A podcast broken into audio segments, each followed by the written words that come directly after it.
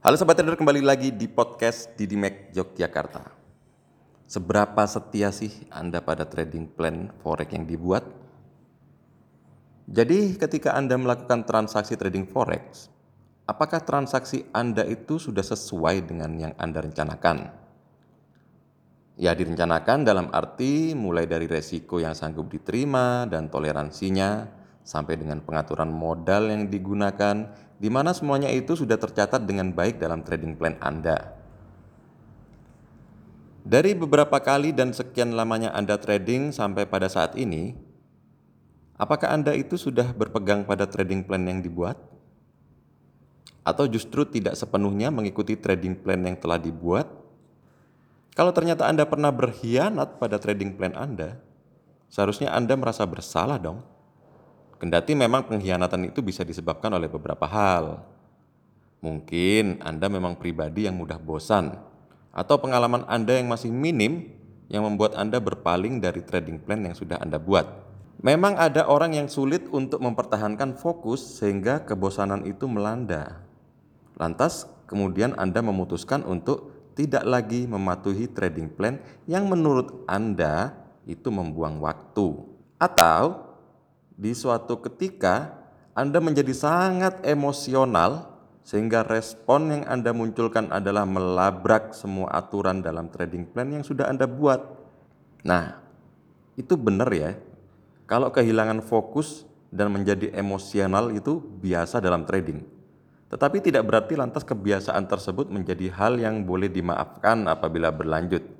Apalagi kalau berujung pada pengambilan keputusan yang gegabah dan terburu-buru. Contohnya, membuka posisi terlalu cepat, mengambil keuntungan terlalu dini, atau yang paling parah adalah membiarkan kerugian berlarut-larut. Ini yang berbahaya sob. Memang kita nggak perlu berharap menjadi super trader yang serba sempurna.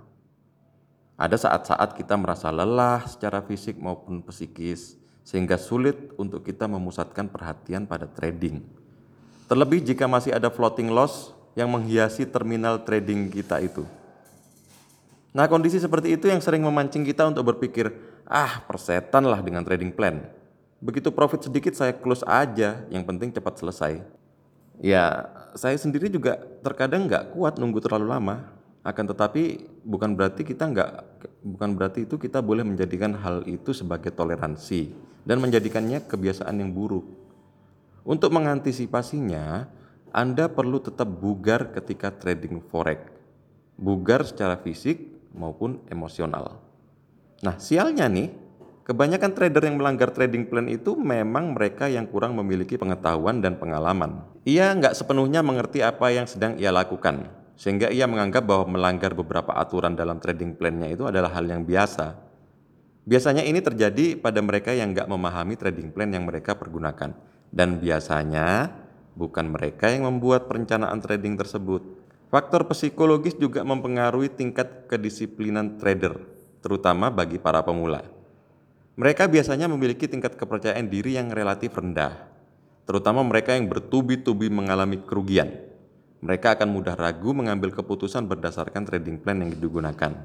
Ragu dalam mengeksekusi transaksi karena takut loss, atau yang lebih berbahaya, ragu dalam menutup posisi yang merugi karena khawatir bisa berbalik menjadi keuntungan dan ia akan menyesal. Sering pula keputusan mengkhianati trading plan disebabkan oleh rumitnya trading plan yang dipergunakan lagi-lagi ini biasa melanda trader pemula yang tidak membangun sendiri trading plan-nya. Maka untuk menghindari hal-hal seperti ini sebaiknya Anda mulai memikirkan untuk membangun trading plan Anda sendiri dengan cara yang sesederhana mungkin agar Anda mulai memahami dan menerapkannya.